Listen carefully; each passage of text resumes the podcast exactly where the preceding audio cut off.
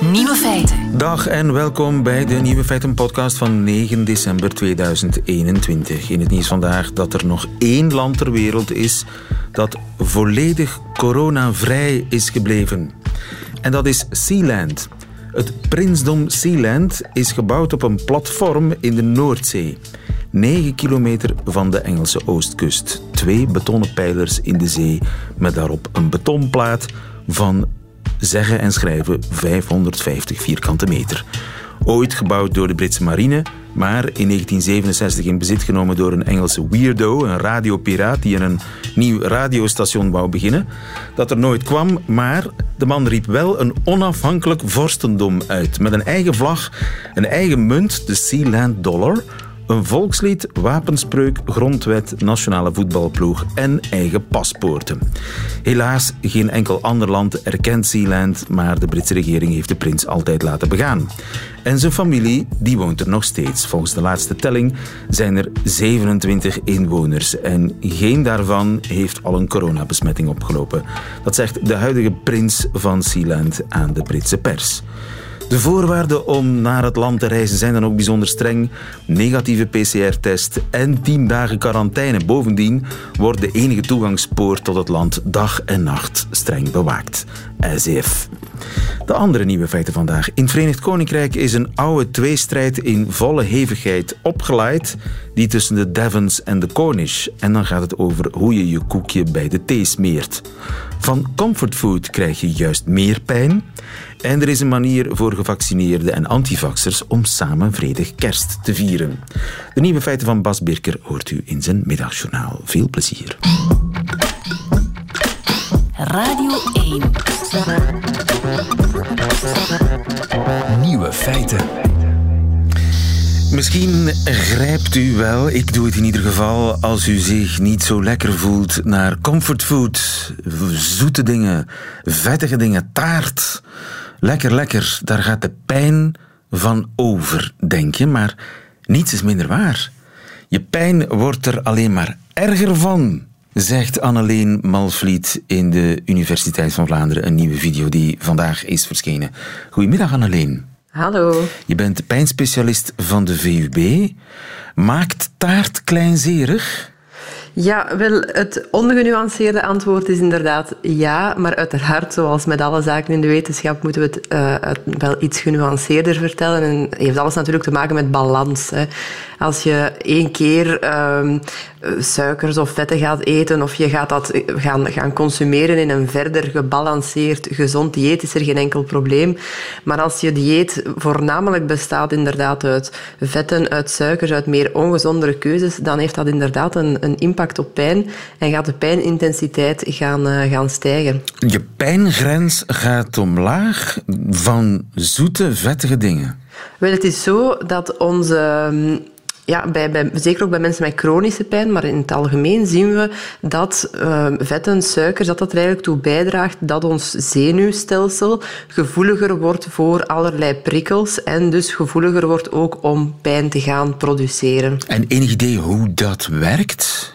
Wel, er zijn waarschijnlijk verschillende fenomenen die daartoe bijdragen. Er zijn, dus pijn is eigenlijk een heel complex probleem.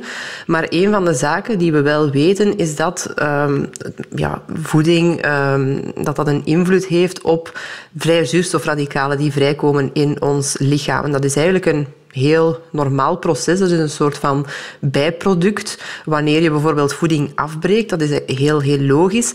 En als, we dat, ja, als dat gaat gebeuren, dat, dat, die, dat vrijstellen van die vrije zuurstofradicalen in een... Uh, verder gebalanceerd dieet, gezond dieet, dan zijn daar ook voldoende antioxidanten die daar tegenover staan. En die antioxidanten die gaan die vrije zuurstofradicalen eigenlijk gaan neutraliseren. Ja. En dat is oké, okay, dat vormt dat geen enkel probleem. Maar we zien als er onvoldoende antioxidanten zijn, dat die vrije zuurstofradicalen als het ware een soort van vrij spel gaan krijgen. Die gaan opstapelen. En we weten dat die gerelateerd zijn met ontsteking, allerlei chronische aandoeningen, snellere lichaamsveroudering en waarschijnlijk dus ook met uh, mechanismen die bijdragen tot de pijnervaring, een uh, ja, verhoogde gevoeligheid voor pijn.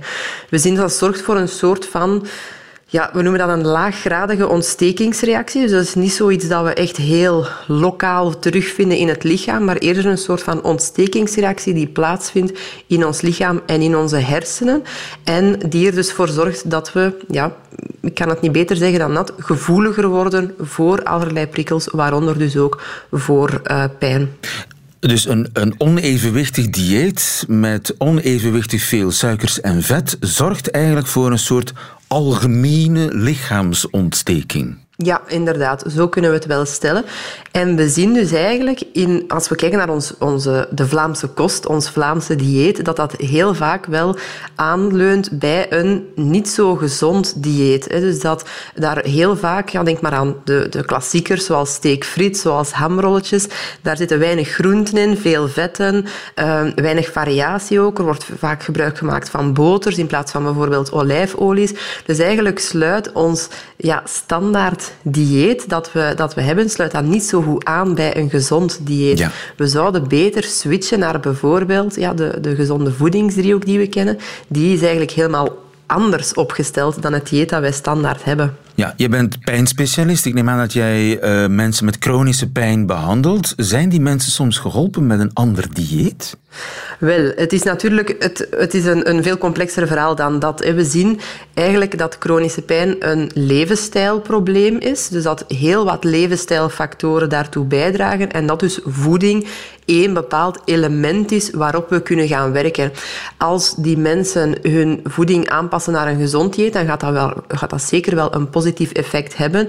Maar als die daarnaast niet fysiek actief zijn, heel veel sedentair gedrag, dus zittend gedrag vertonen, als zij bijvoorbeeld ook slecht slapen, ja, dan gaat natuurlijk enkel dat aanpassen van de voeding niet volstaan om de chronische pijn aan te pakken. Dus je moet wel degelijk op heel wat verschillende factoren gaan inspelen, um, waarbij voeding alleen dan, dan niet volstaat. Maar het is wel een belangrijk element waar we zeker een, een resultaat mee kunnen boeken. Ja, maar dus één dame blanche, daar krijg je geen pijn van. Maar als je dieet voornamelijk uit zoet en vet en dame blanche en taart en koeken bestaat, ja, dan kan het wel eens zijn dat je lijf gaat ontsteken, als het ware, en dat daardoor je pijndrempel naar omlaag gaat. Ik begrijp het. Ja.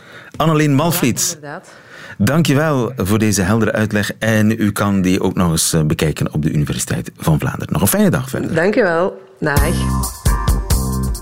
Vraag het aan Rika.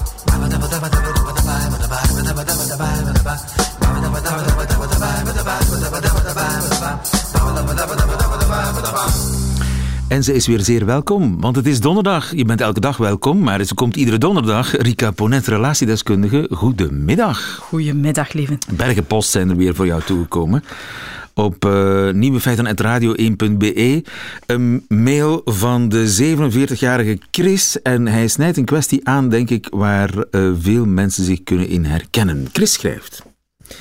Ik kijk elk jaar uit naar de feestdagen. Ik zet al vroeg de kerstboom, denk na over wat we gaan eten, wat ik zal aantrekken. Samen zijn met familie rond een grote tafel, ik vind dat heel fijn. Dit jaar echter kijk ik er tegenop. Ik denk immers dat de kans groot is dat er ruzie zal gemaakt worden. Het zit namelijk zo: mijn schoonbroer is een notoir antivaxer en voor geen enkele reden vatbaar. Hij was altijd een beetje het buitenbeentje, het kneusje van de familie. Hij had altijd nogal uitgesproken standpunten over van alles, maar nu is het hek echt van de dam. Elke poging om hem op andere ideeën te brengen mondt uit in een felle discussie. Ik heb ook niet altijd de munitie die hij inzet, alle doldwaze onderzoeken en hersenspinsels waarvan je voelt dat ze onmogelijk wetenschappelijk kunnen zijn, maar waarop ik niet zomaar een antwoord heb. Mijn schoonmoeder is bovendien risicopatiënt en ik vind het echt niet kunnen dat hij daarmee geen rekening houdt. Hoe ver kan je heen zijn dat je je eigen dwaze ideeën, zogenaamde vrijheid, plaatst boven het welzijn van je eigen ma en familie? Ik vermoed dat er nog mensen zijn met dit kerstdilemma. Hoe gaan we er het best mee om? En vooral, hoe maken we er toch nog een gezellige kerst van? Chris schrijft dat, 47. Ja, we kregen zo nog brieven binnen. Hè. We hebben deze eruit gekozen, want ik denk effectief dat er nogal wat mensen zijn die Corona splijt families en vriendengroepen, met name dan het vaccin. Ja, ehm, en ehm, nu je kan met een probleem, en zeker het specifiek kerstprobleem, altijd op twee manieren omgaan. Je kan ervan weglopen, het uit de weg gaan. Erover zwijgen. Erover zwijgen. In dit geval zou je ook kunnen voorwenden, ik ben positief getest en de feestdagen moeten voor mij in quarantaine verlopen. en je hebt dan je zou, je zou ook glashard liegen. Ja. Ik ben positief getest. Ja, je kan dan slechte kerstfilms bekijken die hele periode. Maar ik, verm- ik vermoed dat Chris toch graag samen de kalkoen wil nuttigen en daarom geschreven heeft. Dus um, nu, wat hieruit heel duidelijk spreekt, uh, hij zegt het ook, hè, um, uh, hij is voor geen reden vatbaar. Um, dus ze zijn uitgediscussieerd, hè? We zijn uitgediscussieerd. Dus feiten, het wordt onaangenaam. Het wordt onaangenaam. Feiten werken niet. Dat is uh, wat ik in al die discussies telkens weer vaststel. Uh, zolang we het op die inhouden blijven spelen, blijven we daar ook in vasthangen. En wordt de tegenstelling alleen maar uh, groter. Hè. Je krijgt het echt niet opgelost door naar de kerstmis een map vol wetenschap mee te nemen. Het zal de discussie alleen maar doen escaleren. Nu, ik heb hier goed over, um, over nagedacht, ook over deze vraag, omdat ik daar al een tijdje over aan het nadenken ben. Hoe komt dat nu dat we daar zo maatschappelijk ook op vastlopen? En het doet mij toch wel wat denken aan, um, als ik kijk op microniveau, wat er uh, in intieme relaties tussen mensen speelt, wat ik ook altijd weer in relatietherapie vaststel. En ik denk dat we het vanuit dat standpunt heel goed kunnen bekijken. Aan de ene kant zie je, er zijn altijd twee partijen, als mensen heel hard zo in die discussies vastlopen, je ziet dat ook bij koppels, die allebei het gevoel hebben, wij hebben het gelijk aan onze kant. Hè. Zoals ik het voel, zoals ik het ervaar, zo is het. Er speelt altijd veel meer mee ja. dan de inhoudelijke discussie. We moeten kijken op het emotionele niveau. Wat, uh, zodra we voorbij het niet meer luisteren naar elkaars inhouden zijn, dan weet je, als het vastloopt op inhouden, dan is het altijd omdat daaronder bepaalde emoties zitten die niet erkend worden, bepaalde dingen waarin mensen zich niet gezien, niet bevestigd voelen. Ze schrijft ook, hij was altijd het, ja, het kneusje, het buitenbeentje. Ja, van de familie. Dat is geen toeval. Nee, ik, ver, ik vermoed, en ik zie dat wel vaker, en ik ben niet anti, antivaxers of pro- Anti-antivaxer, Vaxers, dat ja. zijn we ook niet. Nee.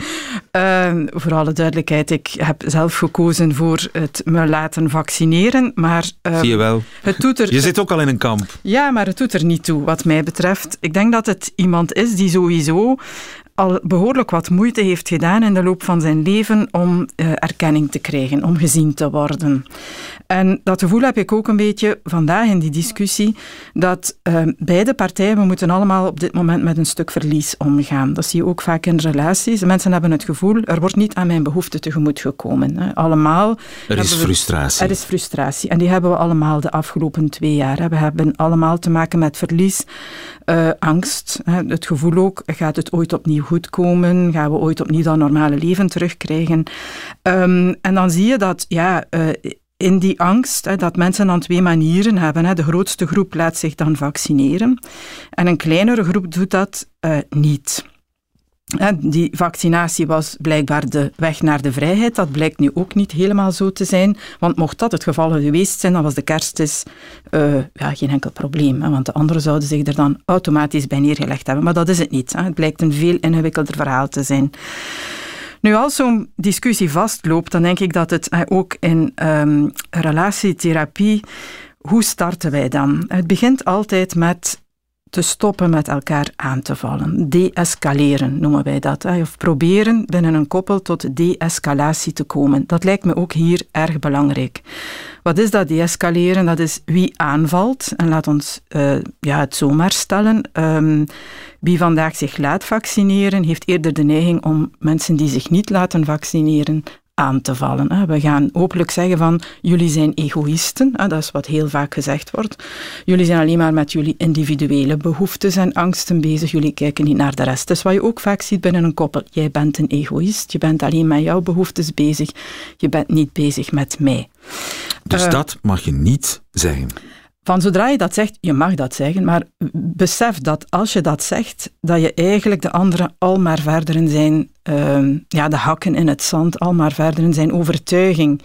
Ik ben wel goed bezig um, en vooral in het gevoel, ik word afgewezen en ik zal eens tonen ja, dat ik eh, verharding, dat zie je daar dan eigenlijk telkens weer, dat je dat eigenlijk telkens weer gaat bewerkstelligen. Dus dat wordt een kerst waarbij alleen over het weer en de kwaliteit van het vlees of de groenten. Toch niet. Nee. Toch niet. Ik denk, het kan starten met het erkennen dat er een verschil is. Zo zie je dat als dat dan wat gedeescaleerd raakt bij koppels, dan zie je dat, oké, we aanvaarden dat we het allebei op een andere manier zien. Agree en, to disagree. Ervaren. Ja, en we laten dat ook gewoon zijn. En we proberen ook te luisteren. Want hoor ik ook de laatste tijd al maar vaker, dat mensen die zich in hun grote gelijk van ik heb mij laten vaccineren zetten, ook totaal niet meer bereid zijn om inderdaad naar de niet altijd even rationele argumenten van de andere kant te luisteren. Je komt maar tot verbinding, niet door de andere af te wijzen, maar altijd opnieuw weer door de bereidheid te tonen van te luisteren, van de hand uit te steken. En dat vind ik nu net ook wat kerst, uh, de symbolische waarde van kerst is. Kunnen we misschien aan die kersttafel uh, vaxers of pro-vaccinatie en antivaxers, kunnen we misschien ja, gewoon het verschil ergens in de kalkoen laten zitten en hem um, ja, maar toch in de, in de praktijk komt het erop neer, we zwijgen erover. We, goh, uh, het hoeft niet. Ik denk, um, wat ik in dit geval zou doen, is, als ik uh, van Chris was, dat is de schoonbroer opbellen. Ik denk dat het een goed idee is om, als de schoonmoeder kwetsbaar is, we laten ons allemaal, we doen allemaal een sneltest. Uh, wie wel of niet gevaccineerd is, het doet er niet toe. We komen toe op de kerstmis en we zijn ervan overtuigd dat geen van ons besmet is. En in tweede instantie ook aan de telefoon aangeven, kijk, ik weet wat jouw standpunt is, um, het mijne is anders. Uh, ik vind dat niet erg. Uh, ik aanvaard dat, dat jij daar een ander standpunt over hebt als het mijne. Dat is de hand reiken. Hè. Ja. Um, maar laat ons dan vooral kijken naar alles wat ons wel verbindt. Wij zijn altijd een fijne familie geweest. Wij hebben altijd uh, gezellige kerstfeesten gehad. Uh, kunnen we dat dit jaar opnieuw proberen? Hè? Los van dat ene domein. Ja, maar dat stemmetje zal toch blijven knaren, denk ik, bij allebei de partijen. ja. Jij bent eigenlijk onnozel, jij bent eigenlijk dom. Ja, en... en... dat ehm, voor mijn schoonbroer en dat voor mijn beste vriend, want het gebeurt ook onder vrienden. Um, ja, en... Het kan toch niet zonder gevolg blijven? Ja, maar dan stel ik mij ook altijd weer de vraag, waarom wil je zo per se als... Ik, ik ben ook gevaccineerd, maar waarom willen we zo per se ja, daarin ook ons gelijk halen. Ja, het is prima, de grootste groep heeft die keuze gemaakt. Waarom kunnen we niet accepteren dat er aan de andere kant misschien een groep mensen is en het is ook niet de oplossing. Vandaag hebben we ook allemaal de, de, idee, we gaan het oplossen door iedereen, uh, als iedereen zich gevaccineerd heeft. Nu blijkt dat dat helemaal ook niet het verhaal is. Hè. Er blijven nieuwe mutaties komen. We gaan een hele tijd nog met COVID te maken krijgen. Heel typisch als we heel angstig zijn over een bepaald probleem, uh, we zoeken externe oorzaak voor ons verlies, hè, voor het probleem dat op dit moment heel sterk ons leven beheerst. En dan is het uh, heel makkelijk hè, om ehm, de oorzaak van het probleem probleem bij de anderen te leggen. De oorzaak van ons probleem vandaag, ook aan die kersttafel, is niet de andere. De oorzaak is het virus. Kunnen we ja, de schuld van alles wat vandaag zo moeilijk loopt in onze maatschappij. Daar zijn we het over eens. Bij dat virus. De vijand is het virus. De vijand is het virus. De vijand, kerstfeest. De vijand is niet de andere leven. Daar gaat het over. En als we daar zitten, dan denk ik dat we weer een stuk tot verbinding kunnen komen. Ik hoop op een fijne kerst voor Chris en zijn familie. Dankjewel, Rika Ponet. En tot volgende week. En als u nog vragen heeft voor Rika, ze zijn welkom op Nieuwe Feiten uit radio1.be.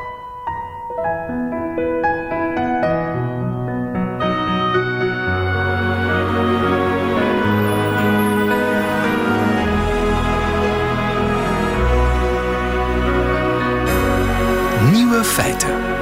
Ja, Misschien was toch de meest bruikbare tip: liegen dat je positief getest bent. Geen kerstfeest. Slechte kerstfilms bekijken op de televisie. Problemen opgelost. En een vrolijke kerst is het in elk geval ook niet in Saudi-Arabië. Want het wordt daar stilaan een klassieker op het befaamde Kamelenfestival. Bedrog bij de daaraan verbonden schoonheidswedstrijd.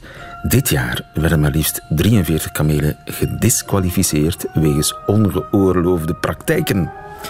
Zo hoopten de eigenaars van de kamelen met gefoefel meer kans te maken op het prijzengeld van bijna 60 miljoen euro. Meest voorkomende vorm van fraude: botox en gelimplantaten. Niet in de bulten, maar in de lippen en in het hoofd. Want kamelen worden vooral beoordeeld op de grootte van hun lippen, hun wangen, voorhoofd, nek en ook een beetje hun knieën naar verluid. De organisatie stelde ook gebruik van spierversterkende hormonen vast en van elastieken om bepaalde lichaamsdelen, zo staat het er, in te snoeren.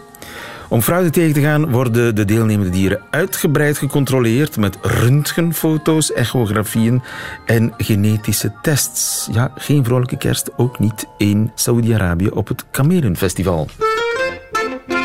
Nieuwe feiten. Het niet eens zo Verenigde Koninkrijk is eh, zwaar verdeeld, dat weet u. De Brexiteers staan er tegenover de Remainers, de Tories tegenover de aanhangers van Labour. Maar er is nog een kwestie die het land al veel langer doormidden klieft. Een oude discussie die de voorbije dagen in alle hevigheid is uh, opgeleid. De discussie Devon of Cornish. Goedemiddag, Harry de Pape. Goedemiddag. Anglofiel. En mag ik jou Mhm. vragen, Devon of Cornish? Ehm Devon. Devon. Je moest er toch nog Ja. even over nadenken, Harry. Nou, ik, ik dacht, afraid to say, maar ben ik niet afraid to say. Ik ben gewoon Trots, trots op Devon. ja, trots Devon. Devon uh, and proud to be. Flip Feiten, Ja. goedemiddag. Goedemiddag. Evenzeer anglofiel. Ja. Evenzeer Devon. No, of course not. Of course not. What an abomination. Eh, Cornish. Harry en ik zijn eh, eh, goede vrienden. Wij hebben zeer veel waardering voor elkaar. Maar hier gaan onze wegen uit elkaar. Jij bent Cornish, Zo Harry denken de ketters, maar zij doden. Nu, wat is er gebeurd? Een, pardon, zeg, zeg dat nog eens? Zo denken de ketters, Zo denken de ketters. dolen. Oké, maar we moeten even eerst duidelijk maken wat er gebeurd is. Een vrouw in Cornwall, die wou net haar koffie afrekenen. Ja. Als haar oog valt op een advertentie. op een eh, televisiescherm met een advertentie. En daar staan scones op. Eh, dat is, weet je, afternoon tea is met zo'n gebakje. Waar je Een soort koffiekoek, hè? Ja, ja, waar je uh, doormidden gesneden, waar je jam en cream op doet. Maar wat ziet zij op de foto? Zij ziet een eh scone met eerst een laag cream en dan daarbovenop eh, de aardbeienjam. Dat is... Dat, in Cornwall. Schrikt- ze in Cornwall. schrikt zich rot. Dat is verschrikkelijk. Dat, dat, dat doe je niet. Dus I was in disgraceful. disbelief. Je moet eerst de jam, de aardbeienconfituur, op dat gebakje doen. En daarna een dollop clotted cream. Geen whipped cream, clotted cream. Whipped cream is slagroom. Je wordt al meteen een beetje emotioneel. Ja, ja, clotted cream, dat, dat, die, de melk heeft lang op een laag vuurtje eh, staan sudderen en dan krijg je een dikke, dikke laag. Een dikke laag. boterachtige Cream, cream. En eh, die doe je daar bovenop. Ja. Dat is de manier. Want dat is dus eigenlijk eh, Cornish way. de, de splijtswam, zeg maar, of de, de, de, de steen des aanstoots. Enfin, de volgorde van de cream en de, en de confituur, de jam. Lieven, dat, dat is een staatszaak. Hè? Dat is een Ja, staatszaak. ja, ja, ja, ja, absoluut. Ja. Eh, ook voor die vrouw, want ze was in, in total disbelief, Ja. twittert ze. En die tweet... En Sainsbury's, de, de keten eh, waar dat eh, gebakje geserveerd werd, heeft zich ook uitgeput in excuses. Ja. Formeel verontschuldigd, hè. Ja. Want een, een Devon-style In Cornwall. cream tea in Cornwall, dat, dat- Dat, dat, dat, Dan dat, nog, dat ja. doe je niet. Dat is... eh, ja. Ja, er is een, een zeker leedvermaak bij Team Devon, hoor ik. eh. Ja, ja, ja, ik, ik weet. Hè. De- Het land is trouwens verdeeld, hè, Hmm. zoals je gezegd hebt. Maar de Devon-side heeft de geschiedenis met zich mee. Hè. Dus het oudste document dat over cream tea spreekt, en dat is uit de 12e eeuw, 1101 om precies te zijn, vermeldt een abdij in Devonshire, waarbij men dus de cream tea al kende, eh, al serveerde aan pelgrims op de Devon Way. Hè. En zij hebben dus het oudste document dat bewijst dat Dus dit de manier is op de van... room. Uh, inderdaad. Ja. En het gekke is wel, zij, natuurlijk, zij kenden nog geen thee in die tijd. Zij dronken daar ale bij. Ja, dat is dan het gekke erbij. Ja. Maar kijk, lieve... Afternoon ale. Wij, wij moeten uh, argumenten aandragen en I have a trump card. Oké. Ik heb een troefkaart. Niemand anders dan de queen haarzelf serveert, laat serveren, eet zelf haar scones met eerst jam en dan clotted cream. I rest my case. Als zelfs de Queen, ja, uh, Harry, ja, de Queen die zich nooit uitspreekt. Ja. Hare Majesteit weet ze slechts een pion is in de geschiedenis van het instituut van het Koningshuis. Oei. En Hendrik I heeft ooit in de 12e eeuw een document uitgevaardigd waarin de Devon Way beschreven staat. Trouwens, ik heb ook de wetenschap achter mij. Er is een wetenschappelijk onderzoek dat aantoont dat de Devon Way de beste manier is om je afternoon tea te genieten. Je moet blijkbaar 40 gram scone hebben, 30 gram clotted cream en daar bovenop de 30 gram uh, jam. En dat zou de beste manier zijn om het te smaken. Ja, ja. Ik, uh, dat zegt toch niks over de volgorde, alleen over de, de, hoeveelheden? Nee, nee, het gaat over die volgorde. Want de omgekeerde volgorde zorgt ervoor dat de smaak niet op dezelfde manier kan ontwikkelen in de mond. Blijkbaar. Ja, lieven, lieven. ik citeer vooral rustig blijven, hè, jongens. Ja. Ik citeer uit de, de, Cream Tea Society. Die, die bestaat. Die bestaat. Uh, ja, uiteraard, het is een staatszaak, ik zei het ja. Uh, die etikettenregels voorschrijft en die zegt... Stel je dat eens voor. Eerst zo'n zo'n clotted cream en daar bovenop die jam. Die loopt ervan af. Dat maakt vlekken op je uh, kleding. Als je een baard of een snor hebt, je ziet de gevolgen.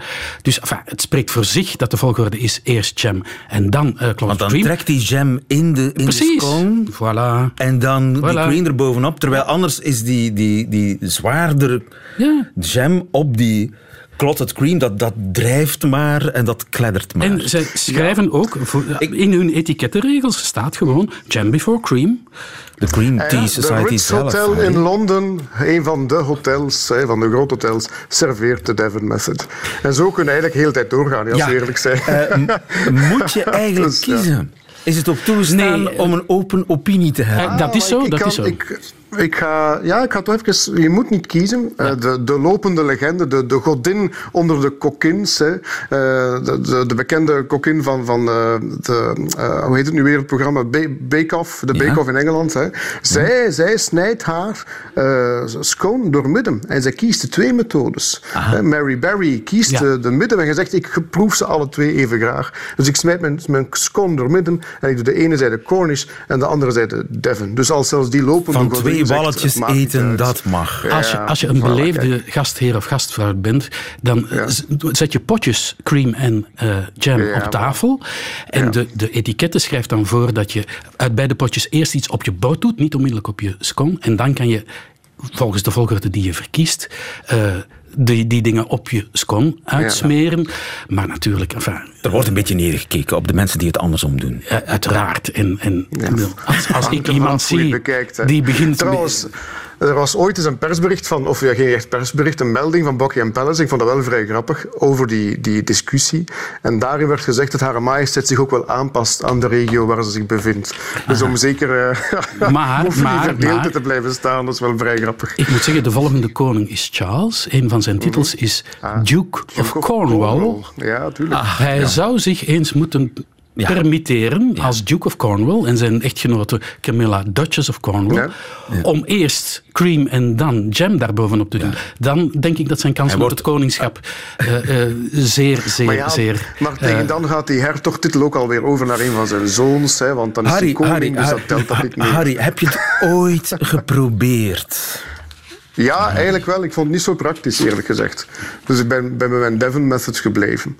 Ja, okay. Heb jij het ooit geprobeerd, Flip, andersom? Ik heb, ik heb alles al gegeten, maar uh, mijn handigheid kennende uh, heb ik uiteraard gekozen voor de Cornish-methode. Maar je hebt, dat, je hebt echt proefondervinding, je hebt ja, getest. Ja, soms worden ze je aangeboden hè, in de beleefdheidsgebied ja, dan, ja, dat, Dat, je, dat je ze opweet. Maar bijvoorbeeld uh, Leonard Rock House, een, een huis van de National Trust, zo'n kasteel dat je kan bezoeken, hmm. die hebben het ooit eens in Cornwall, hè, verkeerd op hun uh, uh, website gezet.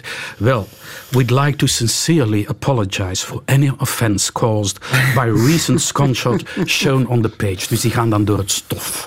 Inderdaad. Is het denkbaar dat de Britten het ooit eens worden over de volgorde van de room en de confituur? Gelukkig niet. Nee. Gelukkig niet. Nee, En, of course not. En jullie ook en niet. zo hoort het ook. Ja, This nee. is delicious. Dankjewel, dames Yes, anglofielen. En tot de volgende. Toodaloo. Yes, see you later. Radio 1. Nieuwe feiten.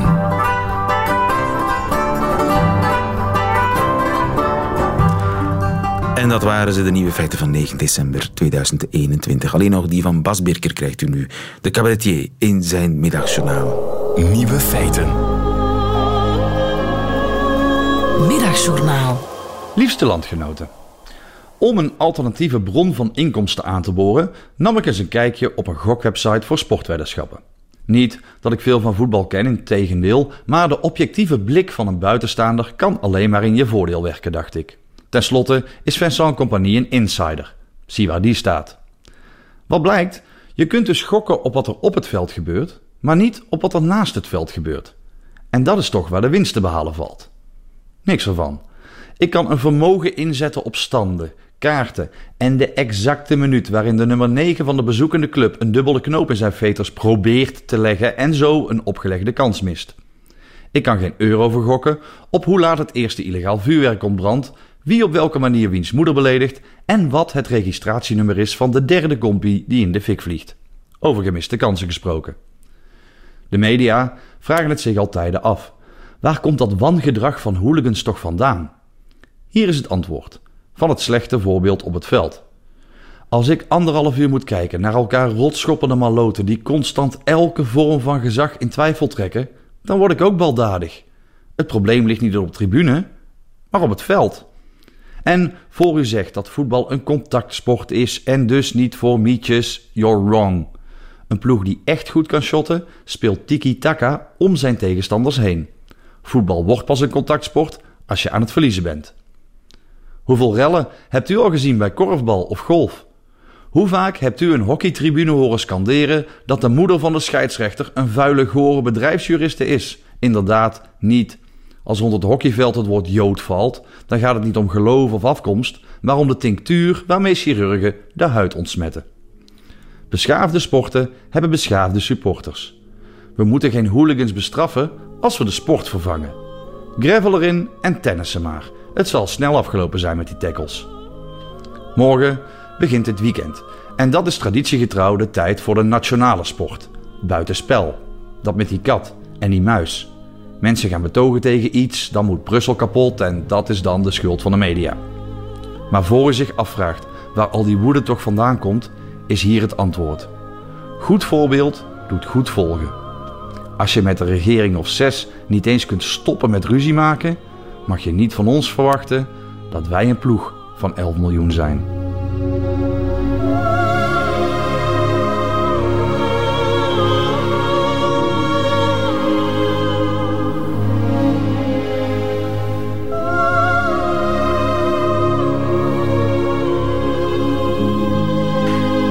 Zit Bas Birker in het middagjournaal. Einde van deze podcast. Hoort u liever de volledige uitzending van Nieuwe Feiten met de muziek erbij? Dat kan natuurlijk live elke werkdag op Radio 1 tussen 12 en 1. Of on demand via de Radio 1 site of Radio 1 app. Tot een volgende keer.